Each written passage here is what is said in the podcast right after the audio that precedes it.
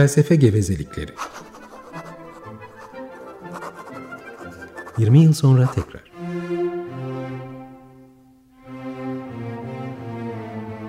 Hazırlayan ve sunanlar Oruç Araoba ve Ferhat Taylan.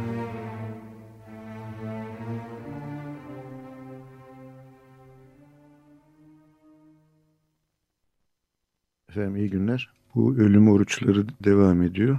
Biz de bir iki haftadır bunun üzerinde durmaya çalışıyoruz. İnsan hakları açısından, özellikle yaşama hakkı açısından. Ben bir şeyi sonradan öğrendim biliyor musun Çekirge? Şeyi, şöyle bir durum da varmış.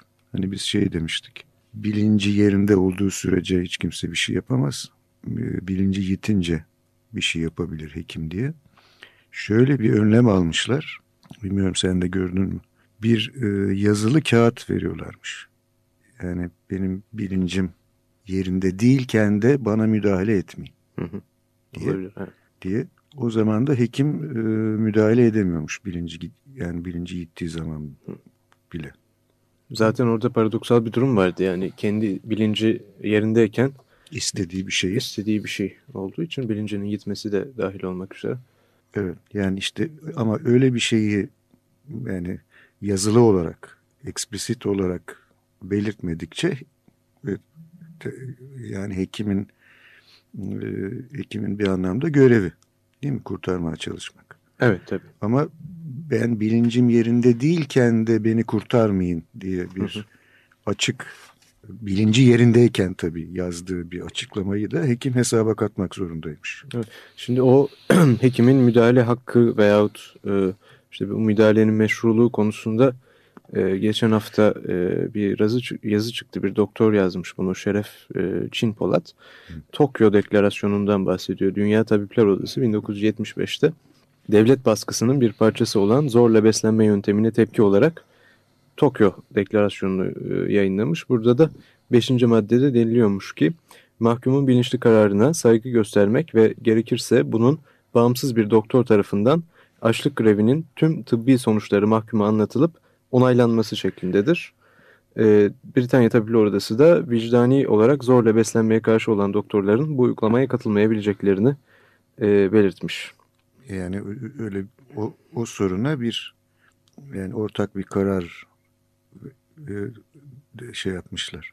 Evet sonra da deniliyor ki e, açlık grevinin belirtileri ortaya çıktığı andan itibaren e, mahkum artık hasta olarak görülecektir ve daha sonraki ilişkide de e, normal bir doktor e, hekim hasta ilişkisinde olduğu gibi açıklıkla yaklaşılmalıdır. Yani e, Evet.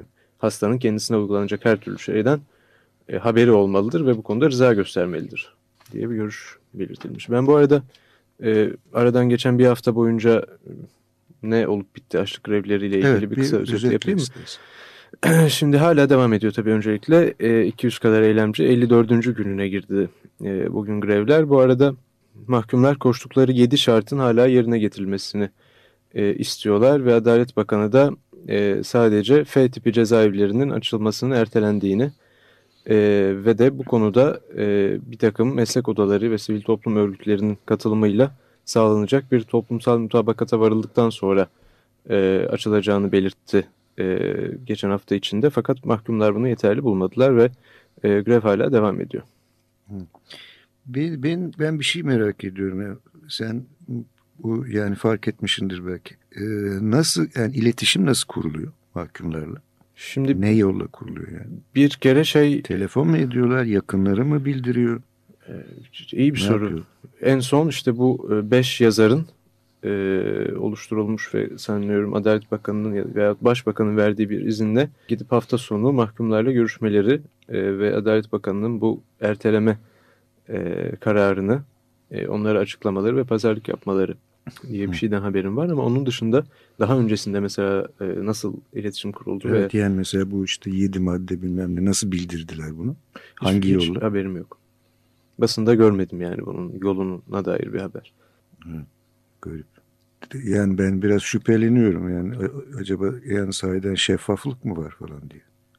Yani böyle bu kadar haber ulaştırabildiklerine göre dışarı Şeffaflık evet iyimser bir yaklaşım oldu. belki avukatların aracılığıyla mı? Yakınları aracılığıyla mı? Yakınları Neyse. bildiğim kadarıyla görüşemiyorlar hala. Görüşemiyorlar. Görüşemediklerini sanıyorum. Hı. Belki avukatlar aracılığıyladır. Evet yani bu haberler nasıl oluşuyor ben onu, onu anlamadım. Evet ben de bilmiyorum. Evet peki. Peki başka?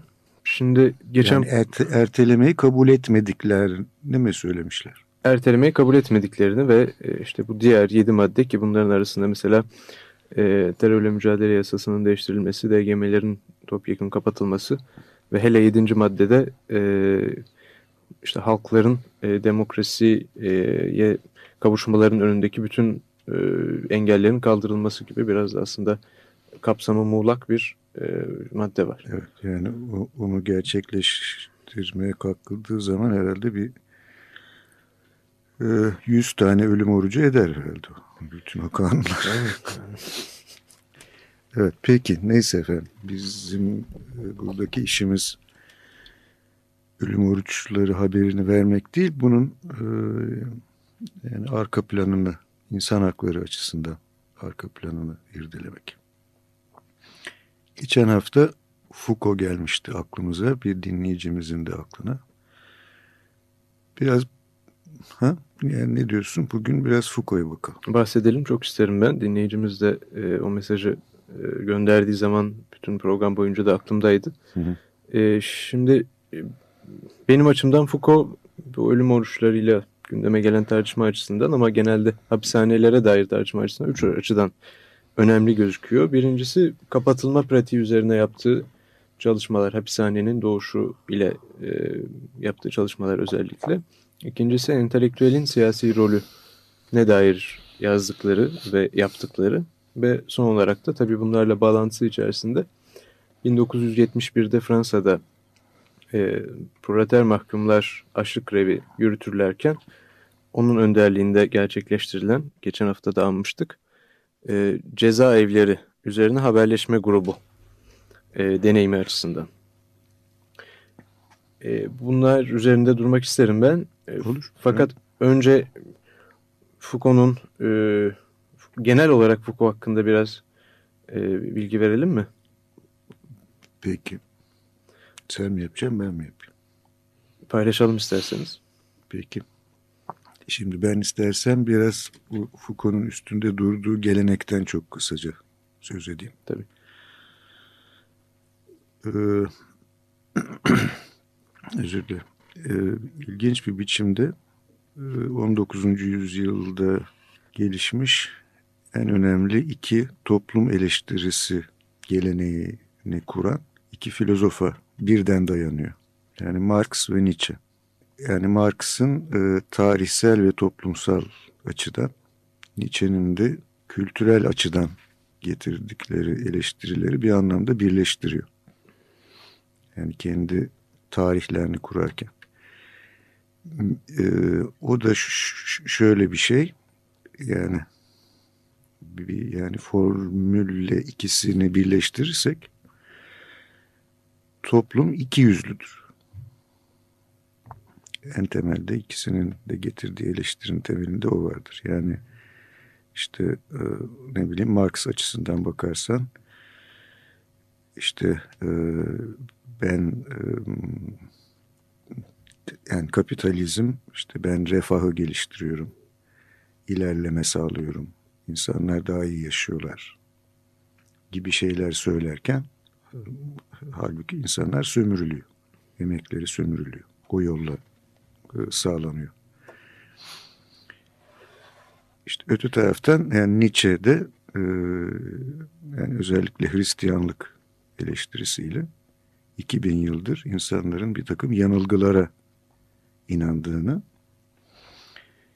e, yani daha da önemlisi bir takım insanların bu yanıl insanların bu yanılgalara inanmalarının onlar için yararlı olmasından dolayı yani rahipler yani papazların kendileri güçlü olmak için insanların bu yanılgılara inanmalarını sağladıkları bir, eleştiri getiriyor. İşte yani Foucault'un da büyük çapta dayandığı gelenek bu bu gelenek. Yani şu anlamda işte hapishane, tımarhane, ondan sonra hastane Değil mi? Bunlar e, bireylerin bedenlerinin denetim altında tutuldu, tutulduğu yerler. Bunlar yani e, bireyin iktidar karşısındaki ya da iktidarın birey üzerinde bulunduğu işlemlerin içinde yürüdüğü işte yerler. Yer kavramı çok önemli değil mi? Yani hastane nasıl bir yer? Evet. Hapishane nasıl bir yer? Tımarhane nasıl bir yer? Değil mi?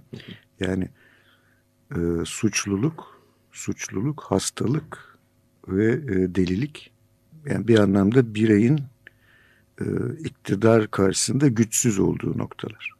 Evet, iktidarın güçsüz olduğu yerler. Foucault'un çok söz ettiği o e, toplumsalın tam neresinde ortaya çıktığı da her zaman kestirilemeyen iktidarın onlar üzerinde uygulanışının onun tabiriyle işte modern bir o iktidarın ortaya çıktığı en gözle görülür şekilde ortaya çıktığı yerler. Evet. Herhalde Foucault terimleriyle. İşte onların tarihini yapıyor. Peki Hı. şimdi sen anlat biraz istersen. E, şimdi demin e, sizin altını çizdiğiniz gelenekte e, Nietzsche ve e, Marx'tan bahsettiniz. Belki Freud'u da bir miktar katarak Foucault'un bir determinizm geleneğine yani e, daha önceleri özerk olduğu, e, özerk olan, konuşan ve düşünen öznenin aslında e, bir yapının e, bir yapıya bağlı olduğu ve ister istemez bunun tarafından belirlendiği e, düşüncesinin önemli olduğunu e, gördüğümü sanıyorum Foucault'da.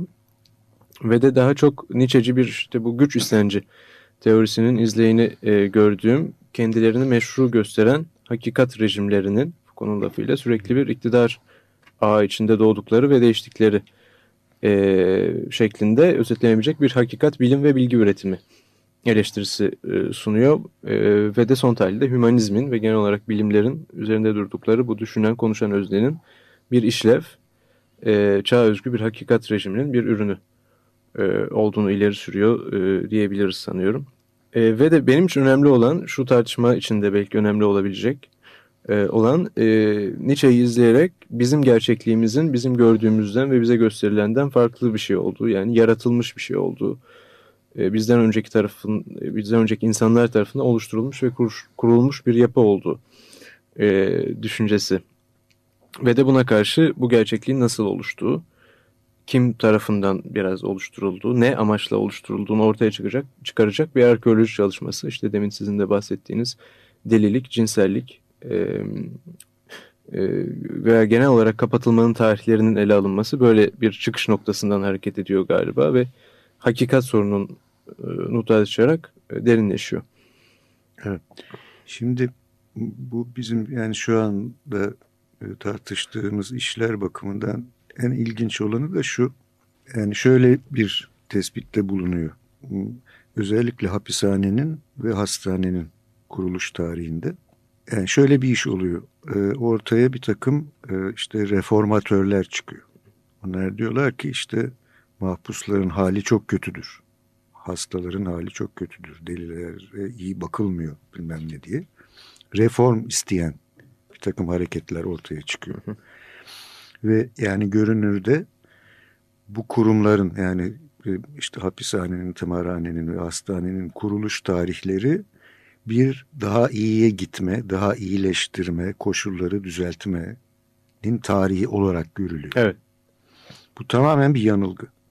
Yani reformatörlerin de bir yanılgısı. Aslında iktidar bir anlamda Hegel'in anlamında oyun oynuyor. Yani ben hastaneleri, ben hapishaneleri düzeltiyorum derken aslında çok daha sıkı hale getiriyor. Yani hatta öyle ki e, şimdi yani ne bileyim ben e, New York yani genel olarak Amerikan e, şeyi polis sistemi tek bir sistem olarak ele alması çok zor bir sistem ama diyelim yani New York. New York polisinin bugün e, şunu rahatlıkla söyleyebiliriz işte ne bileyim ben Bronx'un şu sokağında doğan şu zenci 12 yaşında ilk otomobilini kaçıracaktır. 16 yaşında ilk esrarını içecektir. 19 yaşında ilk cinayetini işleyecektir ve 20 yaşında hapse girecektir. Bu doğduğu anda bellidir neredeyse.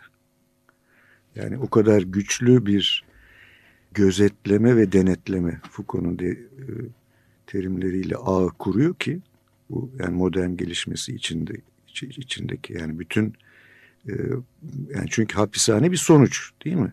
Yani hapishanenin oluşması bir sonuç. Evet. E, bütün yani polis sistemi, yargılama sistemi, bilmem ne sistemi e, hep reform görüntüsü hı hı.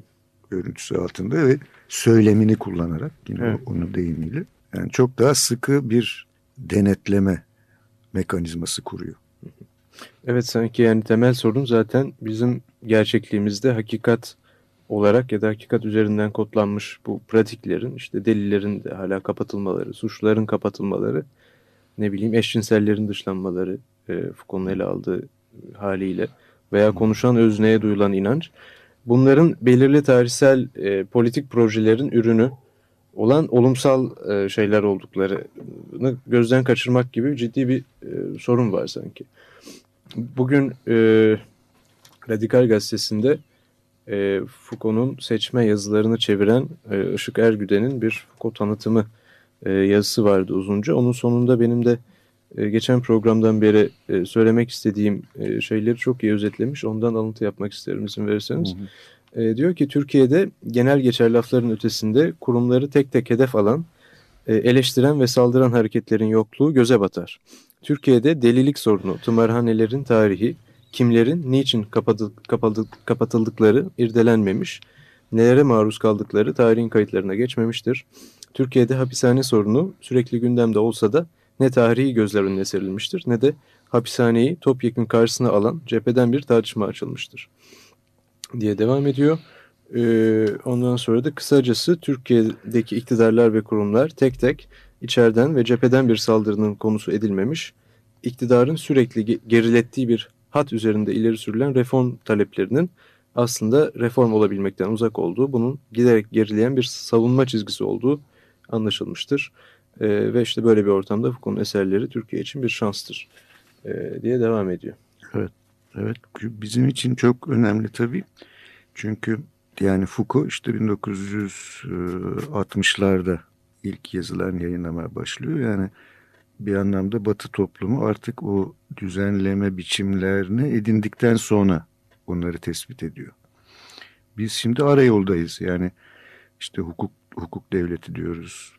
Şu, şey sosyal devlet diyoruz, bilmem ne diyoruz. Bunları kurmaya çalışıyoruz. İşte burada çok dikkat edilmesi gereken nokta bu. Ee, yani Foucault'un işaret ettiği yani devrimcilik ve ilericilik adına ortaya çıkan istemler genel iktidar tarafından kendi iktidarını güçlendirici bir biçimde kullanılıyor. Buna yani buna çok dikkat etmek gerekir. O yüzden de Foucault'dan sonra özellikle Avrupa'da yani küçük insan gruplarının inisiyatiflerin ve işte e, ne deniyor onlara bir adı var.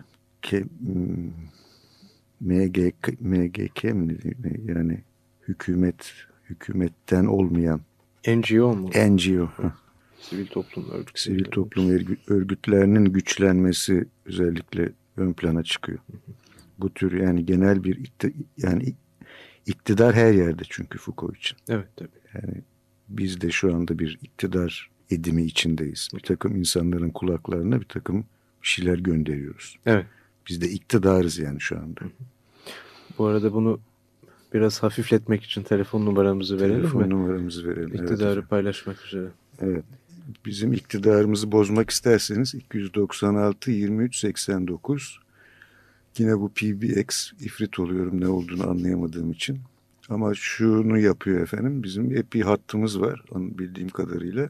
Ama tek bir numarayı çevirerek hangisi boşsa ona girebiliyorsunuz. Bu PBX efendi e, sayesinde. Peki biraz gevezeliğimize ara verip Schumann'ımıza bakalım efendim. Schumann'ı darmadağınık ettik. 12 şiir adlı Opus 35 Lied siklusundan iki tane daha dinliyoruz. Bunlar yedinci ve sekizinci. Birincisi Gezinti, ikincisi Dingin Sevgi. Evet, Schumann'dan iki lead dinledik. 12 şiir siklusunda. Şimdi bak çekirge hmm, şöyle bir şey düşündüm. Yani Foucault'un e, neye işaret ettiğini anlamak için. Şimdi hani bu Amerikan filmlerinde görüyoruz polisi filmlerde falan hani bütün o böyle işte arabalar, e, karakol binaları, hapishaneler bilmem neler bütün o sistemi düşün. Evet. Şimdi bütün o sistemin görünürdeki amacı ne? Suçluluğu ortadan kaldırmak değil mi? Şimdi diyelim ki birden bir gün Amerika'da hiç suç işlenmemeye başladı. Hiç kimse suç işlemiyor. Ne olur bütün o sistem? Çökerdi tabii. Değil mi? Zaten Foucault'un da söylediği kapatmanın, hapishaneye kapatmanın bir suça eğilimlilik Evet. yaratma Yani amacı. suçu üretmek Evet. Üretmek amaçlı aslında Evet. bütün o sistem ki kendi kendine yani ayakta durabilsin. Tabii, Değil mi? tabii. Ama görünürdeki şeyine suçluluğu engellemek. İşte bu açıdan baktığınız zaman baktığı zaman belli bir anlamda yani suçlu adalet sisteminin ürettiği bir şeydir. Evet haline gelmiştir. Veyahut. Evet. Ve bu yolla da işte iktidarın tek bireyleri e, denetim altında tutma mekanizmasıdır. Evet şimdi e, benim de aklıma Foucault'un disiplinci iktidar e, dediği şey geldi bu tartıştığımız bağlamda. E, orada da diyor ki e, bu iktidar türünün oluşması biraz da bu deli akıllı, suçlu, masum, hasta, sağlıklı ayrımlarının her bir bireyin kafasında oluşması e, üzerinden oluşur. E, bu bölücü pratikler diyor işte bunlara. Bu özneyi kurucu e, pratikler olarak yani zihnin kendi üzerinde iktidar kurması. Foucault'un biraz da panoptizm dediği şey galiba. Hı hı.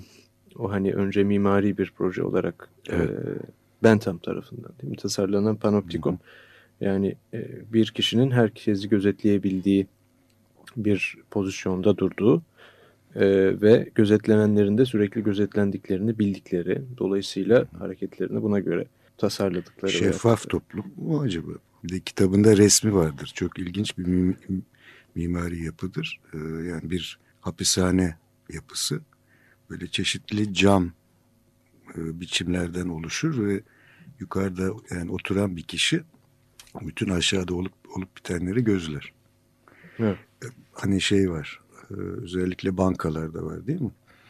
Ee, nedir o? Ne denir ona? Şeyi. Kamera. Ee, iç evet yani kamera ve işte televizyon nedir o? Kapalı devre. Kapalı güvenlik devre sistemi. güvenlik Evet. sistemi var değil mi? Evet. Yani bir banka şubesinin çeşitli köşelerinde böyle bir miktarda hareket edebilen e, şeyler var. e, kameralar var. Yukarıda da bir tane görevli var. Ondan sonra ekranların önünde oturuyor ve bütün içeride olup bitenleri gözlüyor. Evet. Bu tabii güvenlik adına yapılıyor. Tabii. Ama bunun gözle görünür olduğu hali yine e, en azından iktidarı e, üzerlerinde hisseden insanlar açısından açık bir şey. Bir de işte gözle görülmediği hali var. Bu da konu söylediği gibi yani Batı toplumlarında. Bu çünkü mimari bir proje olarak yapılamamış Panoptikon. Fakat söylediği zaten Batı toplumlarında e, yapılanın bu oldu. Yani herkesin işte deli, suçlu, e, hasta veya çirkin olmaktan korkup karşısındakini dışlaması, onu deli ilan etmesi, suçlu ilan etmesi üzerinden bu e, normalleşmenin kur- kurulması, hayata geçmesi. Evet, yani yani şuna dikkat çekiyor Foucault. Bugün bizim e, işte yani hasta olduğun zaman ne yaparsın? Hastaneye gidersin değil mi? Adam deliyse işte tımarhaneye konur. Evet. Orada tedavi edilir. İşte suçluysa ne yapalım? Mahkeme karar verir. Hapishaneye konur. Bu tür yani modern, yeni çağda oluşmuş modern e, kuruluşların hiç de bu biçimleriyle zorunlu ya da gerekli olmadığını göstermesinde. Evet. Yani önemi Foucault'un. Yani bunlar oluşmuş kurumlardır. Ve bir anlamda da yani hasta da deli de e, suçlu da bu sistemin oluşturduğu, bu sistemin bireyleri içine soktuğu bir takım rollerdir. Evet, tabii. Bunlar böyle olmayabilirdi. Bilirdi. Yani kapitalist e, toplum, e, burjuva toplum düzenlenişi böyle olduğundan dolayı öyle oldu. Evet, bunu da anlatıyor işte 17. yüzyıldan önce Evet. e, deliler kapatılmazlardı. Onun da bir örneğini veriyor. E, işte birdenbire 17. yüzyılda Paris'te 1656 yılında bir Hôpital General kurulmuş, genel hastane. Orada da 300 bin kişilik Paris nüfusunun 6 bini kapatılmış. Ama bunların arasında deliler, hastalar Evet. Fakirler işte hepsi beraber kapatılmış. İlk önce hep hepsi hep, hep beraber. Hı. Ve onun orada da çok e, ilginç bir şeye dikkat çekiyor. Kliniğin doğuşundadır galiba. O bütün o saydığın insan e, türlerinin yani bir daha say. Suçlu, deli, hasta, suçlu, deli, hasta, fakir, fakir. Ortak özelliklerine çalışmamalı. Çalışmamalar. Değil mi? Yani çalışma esaslı olan işte burjuva toplumunda hı hı. çalışmayanlar içeri. Evet. Fakat daha sonra yani o zamanlar bir ekonomik tasarruf amacıyla kapatıldıklarını fakat daha sonra e, bunun masraflı bir şey haline geldiğini giderek Hı. ve aslında işlevini yitirdiğini ama yine de var olduğunu bu demin söz ettiğimiz işte e, disiplinci iktidarın işlemesinin bir aygıtı haline geldiğini. O yüzden de bu kadar masraflı olduğu halde tutulduğundan bahsediyor. Ama bir de yani şöyle bir mekanizma da var. Bunların e, bunlarda büyük bir bölümünde çalıştırma başlıyor. Evet. Üretim yaptırıyorlar. Doğru. Şeyi e, David Copperfield vardır hani şeyin e, Dickens'ın romanı. Hı hı. Dickens biliyorsun Marx'la aynı çağda yaşıyor. Yani belki Londra sokaklarında birbirlerine selam veriyorlardı.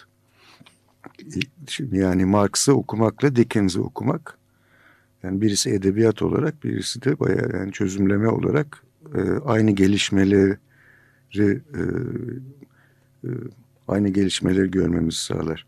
Şey vardır David Copperfield'da e, bir işte e, kimsesizler yurdundadır. Ondan sonra o kimsesizler yurdunun işte şeyleri e, yöneticileri böyle kapalı bir odada öyle hindiler mindiler falan yemektedirler. Ondan sonra çocuklar da yulaf çorbası. Yani işte şey yani birer tas. David Copperfield ikinci bir tas istediğinden dolayı satışa çıkarılır. Baya yani elinden tutup boy for sale diye baya yani yani o zamanlar yani çocuklar satılıyordu.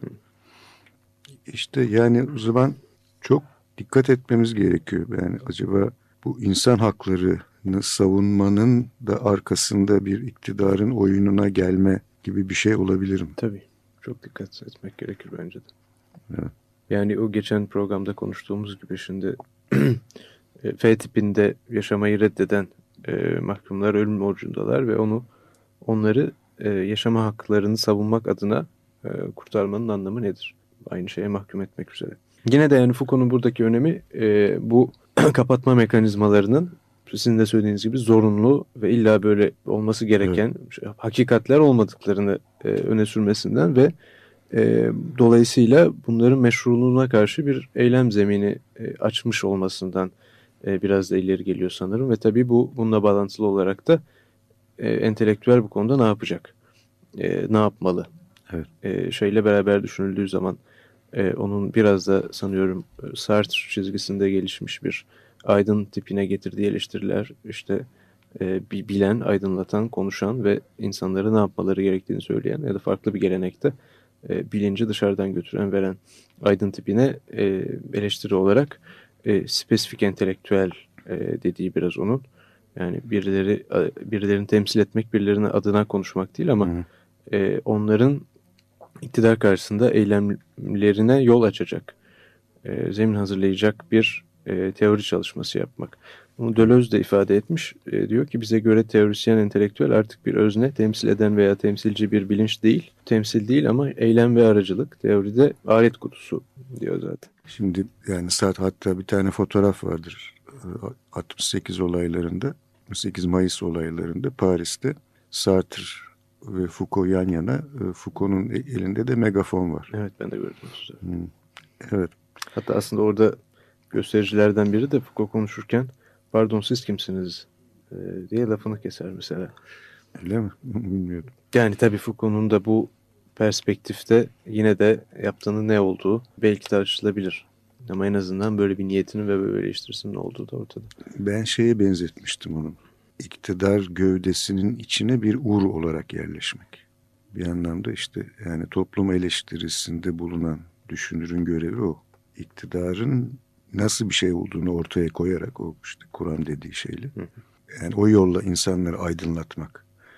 Yani eleştiri Batı felsefesinde hep e, aydınlanmanın aracı olarak kullanılmıştır. Bunun da belli bir anlamda sonu yok çünkü Batı toplumu çok hızlı değişen bir toplum olduğu için yani her değişimine yeni bir eleştiri getirmek gerekiyor. Evet. Eleştirilecek şeyler bitmiyor. Nasıl kesin. Bizdeki tartışmayla ilgili bunun enteresan tarafı da kamuoyunda mesela bu F tipi ile ilgili bunun ne kadar modern olduğu. Evet. evet. Yani modern olduğu için bizde çok güzeldir ya her şey. Ee, bu tartışılıyor fakat yani bu modern kurumların ne olduğu, kimin işine yaradıkları, ne zaman kuruldukları. İşte o noktada şeye dönmek isterim. Bu Foucault'un başını çektiği 71'deki e, cezaevleri üzerine haberleşme Hı, grubu evet, e, deneyimi. Şimdi bunlar bir şey yayınlıyorlar, bir bildiri yayınlıyorlar. Bu sırada onu alıntılayacağım. Şimdi bu bildiride kısa bir bildiri deniyor ki hapishaneler üzerine pek az bilgi yayınlanıyor. Bizim toplumsal sistemimizin gizli bölgelerinden biri hapishane, yaşamamızın kara hanelerinden biri. Bilme hakkımız var, bilmek istiyoruz. Bu nedenle yargıçlarla, avukatlarla, gazetecilerle, doktorlarla, psikologlarla birlikte hapishaneler üzerine haberleşme grubunu kurduk. Hapishanenin ne olduğunu göstermeyi tasarlıyoruz. Hapishaneye kim girer, nasıl ve niçin girer? Hapishanede neler olur? Mahkumların ve gözetim personelinin yaşamları nasıldır? Binalar, beslenme, sağlık nasıldır? İş tüzük, tıbbi kontrol, atölyeler nasıl işler? Hapishaneden neden, nasıl çıkılır? Ve bizim toplumlarımızda hapishaneden çıkmış biri olmak nasıl bir şeydir? Ve bunun üzerinden kendisi de bildiğim kadarıyla e, bir yazı yayınlamıyor, bir konuşma yapmıyor bunlar dışında ve e, doğrudan hapishanenin yani mahkumların veya mahkum yakınlarının sözlerini kendilerini söylüyor. Evet. Hı. Ve işte reform istemek bizim işimiz değildir diyor. Biz sadece bu konudaki gerçeği görmek ve göstermek amacındayız. Evet sadece açık olsun. Evet. Yani evet bizdeki genel tutumdan farklı olduğu düşünülebilir. O yaşama hakları, mahkumların yaşama hakları üzerine e, duyarlılık babındaki yazılardan bahsediyorum. Evet ben işte onun için yani çok merak ediyorum bu iletişim nasıl sağlanıyor? Evet. Mahkumlarla basın arasında.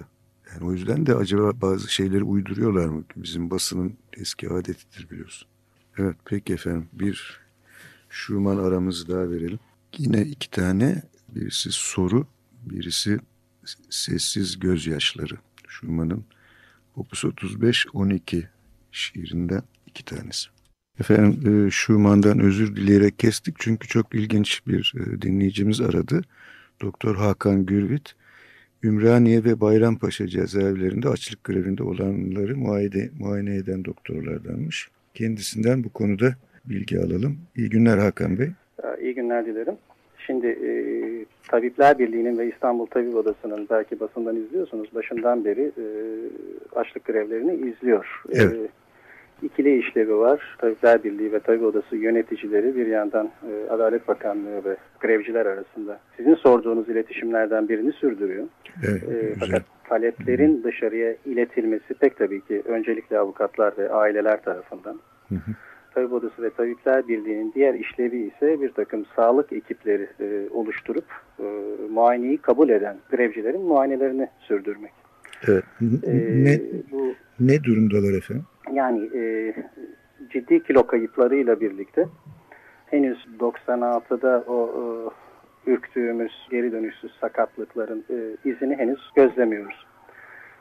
Şeyi isterseniz belki de programda e, tartışmak uygun olur e, Tabip Odası ve Tabipler Birliği'nin e, açlık grevleri konusundaki yaklaşımı tamamen 91 yılındaki e, Malta bildirgesinde e, Dünya Tabipler Odası'nın Tabipler Birliği'nin açlık grevi karşısında hekim tutumu konusunda aldığı kararlar doğrultusunda. Evet, onları bize özetleyebilir misiniz lütfen? Ee, bir de Tokyo Tokyo bildirgesi diye bir şey var. E,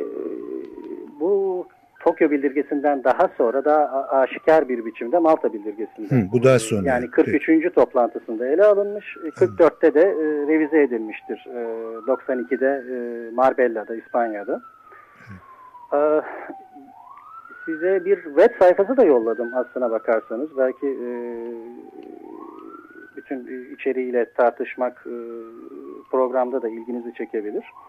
Orada der ki e, bir e, giriş bölümü vardır. Preamble'ı böyle çevirmek lazım herhalde. Evet. Giriş bölümünün dördüncü maddesi bir e, şuur kaybı durumunda e, müdahale etme ya da etmeme e, elbette ki hekimin e, inhisarındadır. der. Hı hı. Ancak e, şuur kaybından önce grevcinin nihai kararını dikkate almak e, durumundadır hekim. Evet.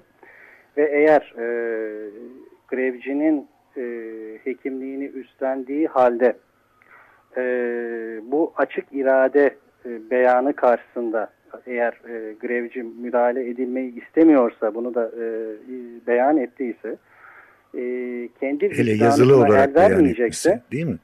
Başka bir meslektaşına devredebilir der. Anladım. Hmm. Ee, daha sonra da işte e, bir dizi e, nasıl e, açlık grevcisi e, hasta hekim ilişkisi nasıl kurulurun bir dizi teknik ayrıntıları da vardır. E, Guidelines for the Management of Hunger Strikers diye devam eder. Hı hı. E, biraz e, Tabipler Birliği ve Tabip Odası da e, bunun ülkemize modifiye edilmiş biçimiyle e, grevcileri e, izliyorlar. Aslında bu bütün Türkiye çapında Adalet Bakanlığı'nın Tabipler Birliği'ne verdiği bir e, izinle, hakla e, ülke çapındaki tabip odaları kendi illerindeki e, cezaevlerinde böyle izliyorlar. Anladım. Efendim peki şimdi mahkum yani grevci yazılı olarak beyanda bulunursa yani bilincim gittikten sonra da beni tedavi evet. etmeyin diye. Evet kaldı ki hasta dosyalarımızın en başında böyle bir e, yazılı e, beyan var. Evet yani o zaman yapacağınız bir şey yok. E, yani Malta bildirgesi bizi e, bununla aşikar biçimde bağlıyor. Anladım. Kaldı ki e, bakın bana e, cezaevlerinin fiziksel koşullarından çıkarıp bir e, hasta hekim ilişkisinde hekimin vicdanı buna el verir mi şeklinde bir tartışmaya oturtmak da makul gelmiyor. Evet. Çünkü buraları cezaevleri bütün e, mahkumlar değil e, açlık grevini sürdürenler. Onların içinden seçilmiş kişiler grevciler. Dolayısıyla bir hekimin o e, vicdanı el vermeyen hekimlerin grevcileri tedavi edebilmeleri için her şeyden önce e, arkadaşların direncini kırmaları lazım. Evet. Bu da e, Ulucanlar benzeri bir kırımla olabilir ancak. Elbette ki yeni etik problemler ki açlık grevi karşısında hekim tutumu, e, hekimlerin karşısına çıkan yeni bir e, soru. Bazıları Hipokrat zamanından beri bilinir e, hekim reflekslerinin nasıl olacağı. Evet. Bu ölüm karşısında eli kolu bağlı durmak durmamaktır bir tanesi belki. Evet. Ama açlık grevi karşısındaki e, hekim tavrı yeni bir sorun. Dolayısıyla bütün meslektaşlar aynı e, kanıda olmayabilir. Farklı kamplarda olabilirler. Bu elbette ki tartışılmalı ama şimdi e, grev boyunca e, acaba e, açlık grevcilere müdahale etmeli mi tartışması fizik koşulların içinden çekip çıkılırsa, e, çıkarılırsa son derece afaki, mantıksız bir e, tartışma gibi geliyor bana. Anlıyorum. Ama böyle bir de yani hekimleri e, bağlayıcı bir e, uluslararası. Ayrıca da böyle bir belge var tabii. E, dolayısıyla e, bu uluslararası belge tabii ki Tabipler Birliği'ni ve tabip odalarında e, bağlıyor. Anladım. Efendim çok teşekkür ederiz verdiğiniz bilgiler için. Sağ olun. İyi günler, iyi programlar. İyi günler, sağ olun. Efendim gardiyanımız oradan yine el, el ediyor. Bu arada Cemal Ünlü aramış. Eğer yanılmıyorsam tarihçidir kendisi. Çok ilginç bir bilgi veriyor. Bu bilgiyle bitirelim. Üsküdar'daki tarihi Validiye Camisi'nin külliyesi önce tımarhane olarak yapılmış, ondan sonra hapishane olarak kullanılmış. Bu ilginç bilgiyi verdiği için teşekkür ederiz Cemal Bey'e. Bitirelim mi? Ne diyorsun çekirge? Zaten biz kafamıza bir şey yiyeceğiz biraz sonra. Bitirmek zorunda kalacağız. Başka bir şansımız yok zaten ama özellikle bu Cemal Ünlü'nün verdiği bilgi daha önce benim okuduğum bu Işık Ergü'den şey diyordu. Türkiye'de yazılmadı tımarhanenin, hapishanenin ve evet. benzeri kurumlarının tarihi çok ilginç oldu. Çok ilginç. Efendim e, biz e, ne yapalım? Sağlık mı dilenir? Ne, ne, ne dilenirse açlık grevdekilerine ne dilenmesi gerekiyorsa onu dileyelim. Ve hepinize iyi günler dileyelim. İyi günler.